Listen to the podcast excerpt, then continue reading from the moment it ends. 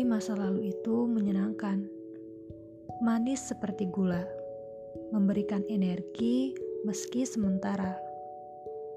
Kadang rasanya seperti kopi, pahit, membuatmu terjaga di malam hari. Melupakan masa lalu itu seperti berdamai dengan diri. Kadang senangnya dapat mengobati, tapi sedih dan sakitnya melukai.